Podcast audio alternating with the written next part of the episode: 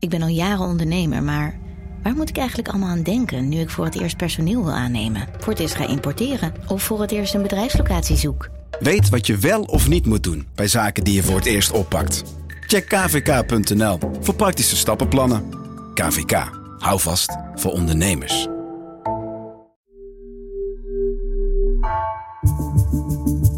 Vanaf de redactie van NRC het verhaal van vandaag. Mijn naam is Floor Boon.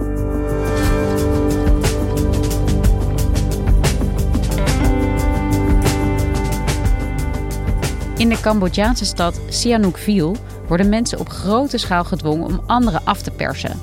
Het is een vorm van moderne slavernij waar nog weinig over bekend is. Correspondent in Zuidoost-Azië Saskia Konniger ging op reportage en schrok van wat ze zag. Wat speelt zich af in die bewaakte flatgebouwen in Cambodja?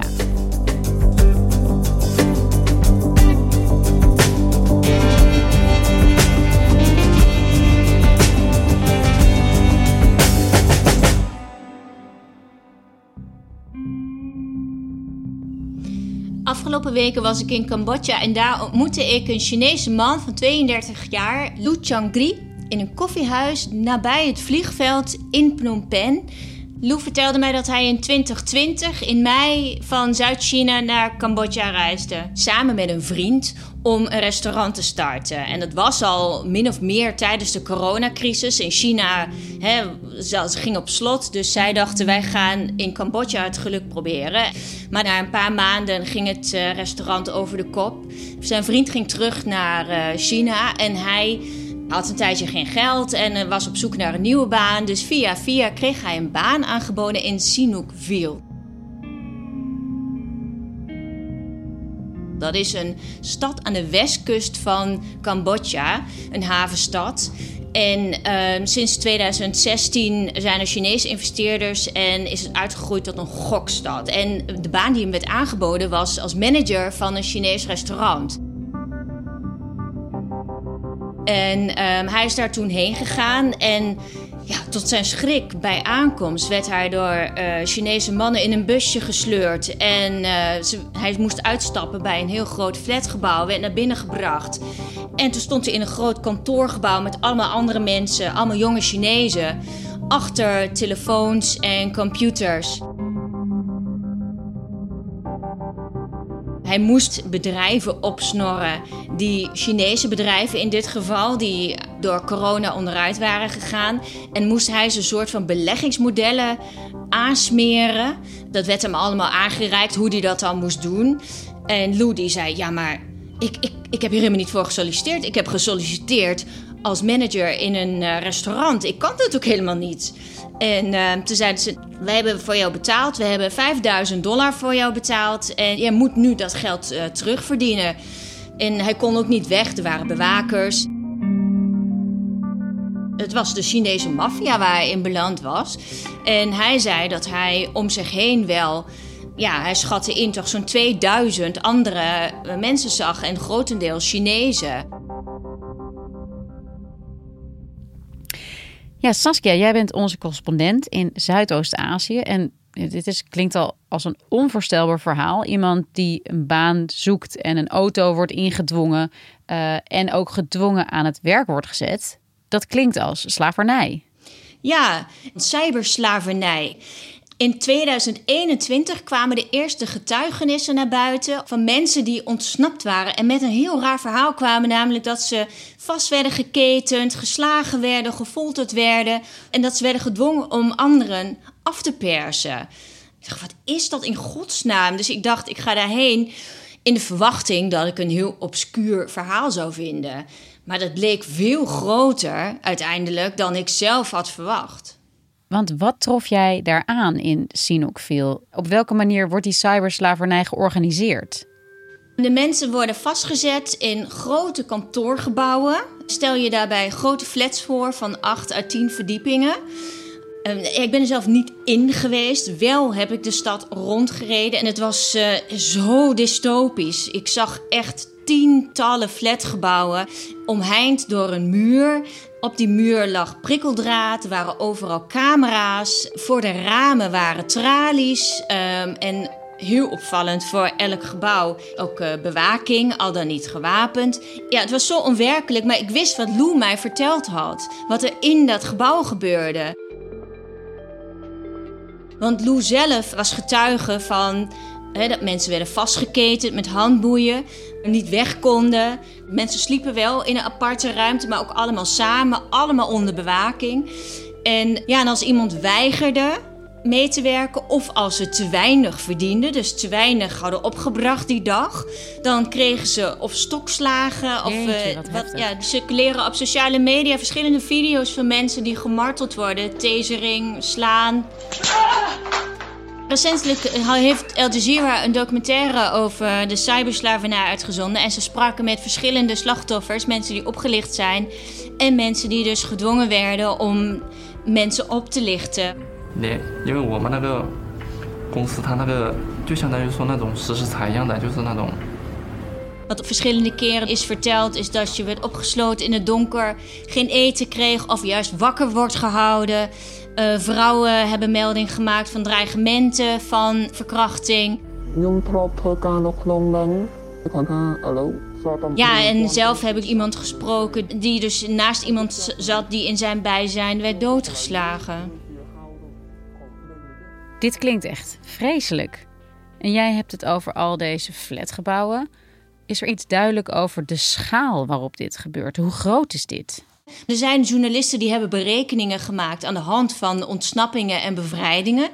En die komen op een aantal dat in Cambodja zelf. Ja, gaat het om in ieder geval tienduizenden en misschien wel honderdduizend mensen die gedwongen worden om Chinezen, maar ook Europeanen en mensen uit VS, Westelingen, af te persen door allerlei soorten oplichtingsmethodes die zij van achter hun laptop en vanaf hun telefoons die hun worden aangereikt doen.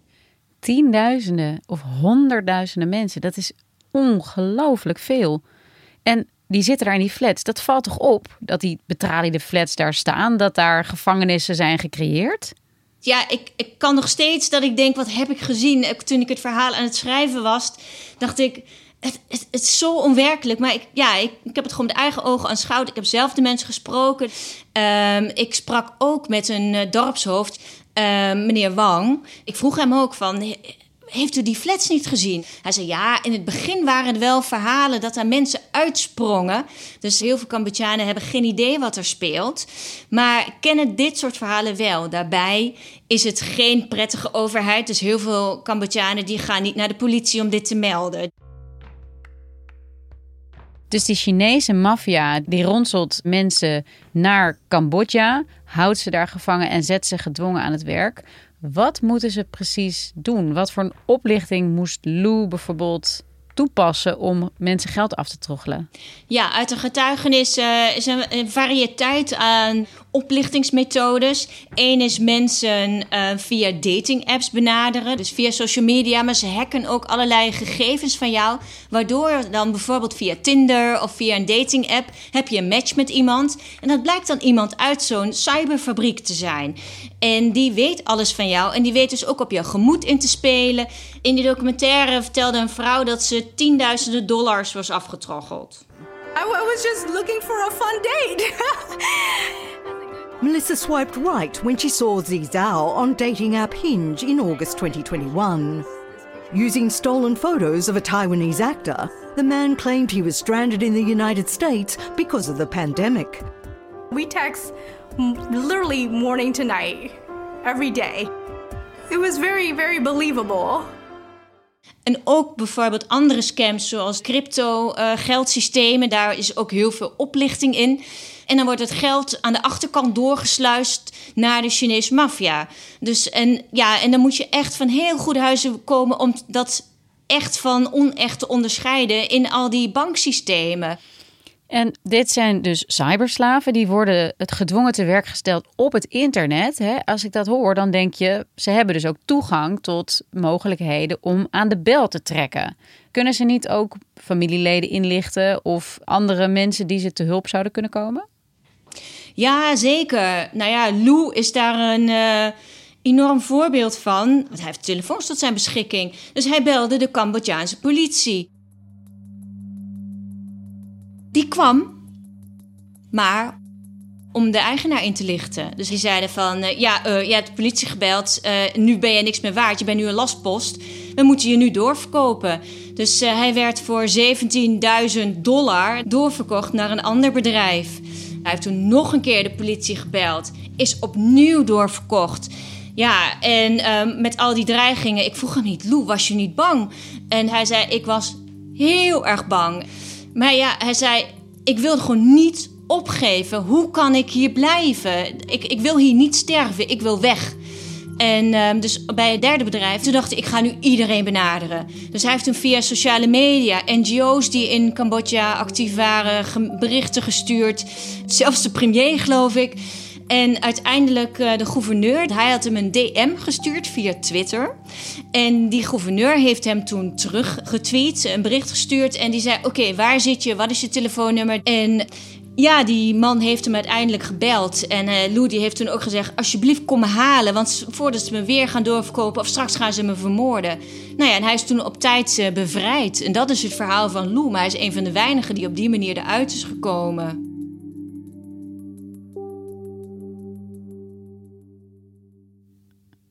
Saskia, dit hele verhaal klinkt gruwelijk. Wat er allemaal gebeurt in die flats in Cambodja. En je hebt het over de Cambodjaanse politie, die Lou notabene niet kwam helpen. En je vertelt over de Chinese maffia. Hoe zit dit allemaal? Wie zit hier eigenlijk achter? Ja, Al Jazeera heeft dus recentelijk een reportage uitgezonden waar zij de eigenaren van de gebouwen zijn nagegaan. Van wie zijn deze gebouwen eigenlijk? Nou, dat blijken dus grotendeels uh, hoge Cambodjaanse politici. En die zijn verbonden aan uh, hele specifieke maffiabazen. Dus het is een soort samenwerkingsverband, dat duidt alles op, tussen Cambodjaanse politici en Chinese maffia. En wat heeft de Chinese maffia op die plek te zoeken? Waarom komen ze juist specifiek in Sihanoukville terecht? Sihanoukville is voor China een hele belangrijke stad.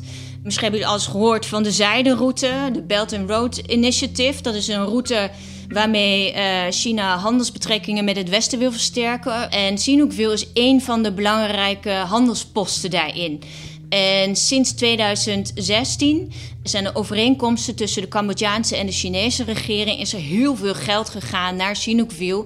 Het was een heel slaperig backpackparadijs. Het was een strandstadje. Er was heel veel natuur. Er stond allemaal bos. Maar zo rond 2018, 2019 um, is de Chinese maffia daar gekomen en is het uitgegroeid tot een van de grootste casinosteden voor Chinese toeristen. Toen kwam de coronacrisis en toen is heel veel online gegaan.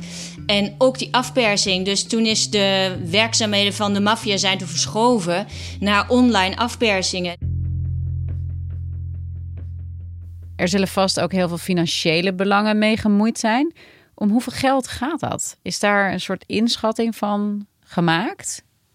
Ja, dat is heel lastig vast te stellen, maar er is een rapport van een NGO die inschat dat er in 2021 7,7 miljard dollar door crypto-oplichting is verdiend door allerlei maffiakartels. Ja, hoeveel deze Chinese maffiabazen daaraan verdiend hebben, dat weten we gewoon niet. We weten ook niet hoeveel er aan de strijkstok blijft hangen in Cambodja zelf. Ja, en um, de organisatie in Singapore, waar mensen zich melden die opgelicht zijn. Onder andere redelijk wat Amerikanen. En die hebben van 1600 slachtoffers die gemeld zijn, waar gezamenlijk 300 miljoen dollar van is beroofd. Hoe kan het dat daar niet veel meer internationale beroering over is als het over zo ontzettend veel mensen gaat? Ja, het eerlijke antwoord is denk ik dat een, omdat een heel groot deel Chinees is. En ten tweede is het nog niet zo heel lang bekend. Dus pas sinds eind vorig jaar druppelt dit een beetje naar buiten. Heel veel speelt zich af op Chinese sociale media. China wil dit ook zoveel mogelijk onder het tapijt vegen.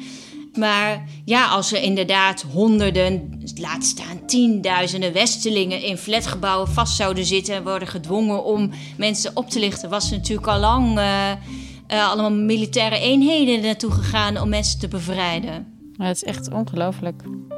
En hoe zit het met familie of vrienden van de tot slaaf gemaakte mensen? Um, zij zullen hun naasten vast gaan missen op een gegeven moment. Wordt daar niet aan de bel getrokken? Ja, absoluut. Dus sinds eind vorig jaar heeft Lou heel veel teweeggebracht. Dus op een gegeven moment ging het rond. Toen zijn ook eh, Cambodjaanse journalisten wakker geworden. Dus die hebben dit verhaal zoveel mogelijk naar buiten gebracht. En toen kregen dus de Thaise ambassade, de Indonesische ambassade, de Filipijnse ambassade, de Vietnamese ambassade, die kregen dus berichten. Ook van mensen uit het land zelf. En wat wordt er op dit moment gedaan voor al deze mensen die gevangen zitten in Cambodja en onder dwang moeten werken en worden vastgehouden? Wat doen ambassades van al deze verschillende Aziatische landen die in ieder geval wel op de hoogte zijn? Lou werkt samen met hun ook uh, en die NGO's. Dus er zijn gewoon drie partijen die proberen samen te werken. Dus Lou is een hulplijn begonnen. En sindsdien krijgt hij dus tientallen appjes en boodschappen van mensen die Um, zeggen: Ik zit ook vast, help mij. Ik wil ook bevrijd worden. En die ambassades die gaan dus direct in gesprek met de Cambodjaanse overheid. En die zeggen: Daar en daar, in dat gebouw, hebben wij aanwijzingen. Daar zitten onze burgers. Alsjeblieft, haal ze eruit. En bijvoorbeeld de Thaise ambassade die heeft gezegd tegen uh, lokale media dat het hartstikke moeilijk was om met de Cambodjaanse overheid samen te werken. Ze moesten per persoon alle papieren overleggen, de paspoorten overleggen, die ze natuurlijk niet altijd voorhanden hadden. En pas dan ging de Cambodjaanse politie naar een gebouw en haalde alleen die ene specifieke uh, persoon eruit. En de Thaise overheid zei ook, we wilden dat ze er allemaal uitgehaald werden. Maar dat is niet gebeurd. En China wat is de rol van China hier eigenlijk? Proberen zij hier iets tegen te doen?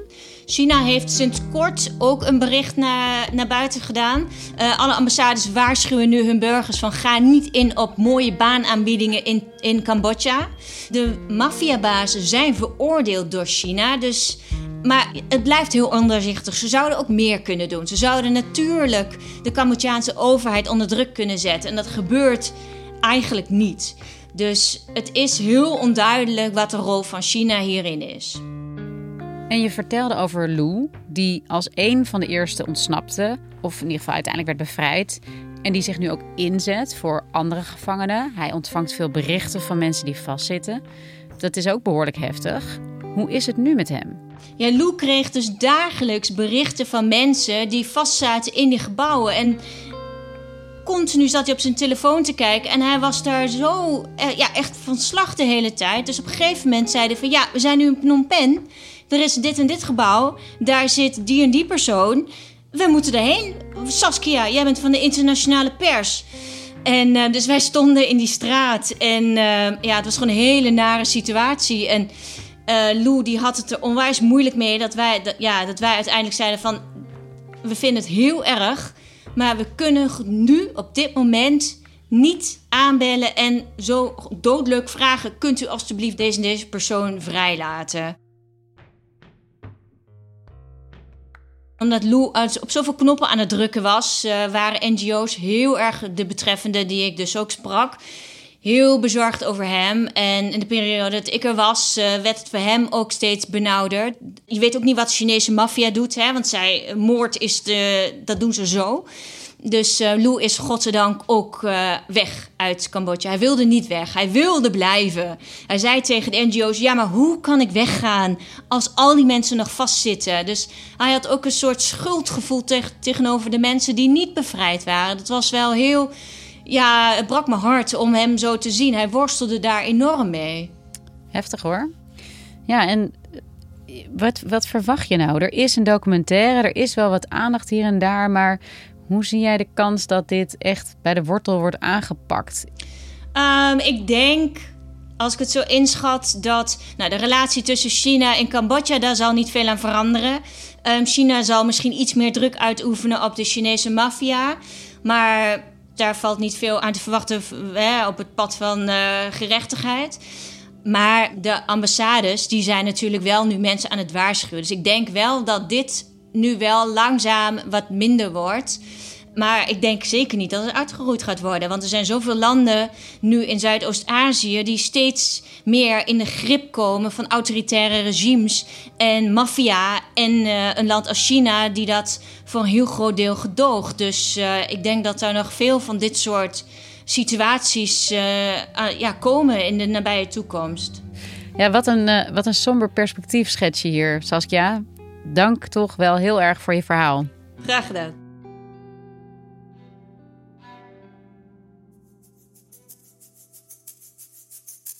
Je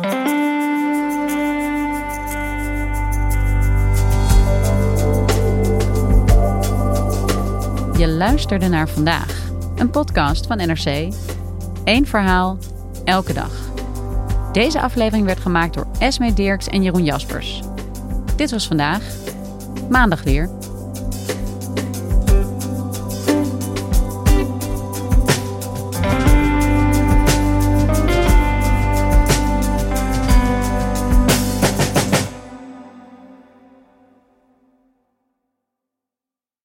Technologie lijkt tegenwoordig het antwoord op iedere uitdaging. Bij PwC zien we dit anders. Als we de potentie van technologie willen benutten, kunnen we niet zonder een menselijk perspectief. Human-led, tech-powered noemen we dat. Ga naar pwc.nl.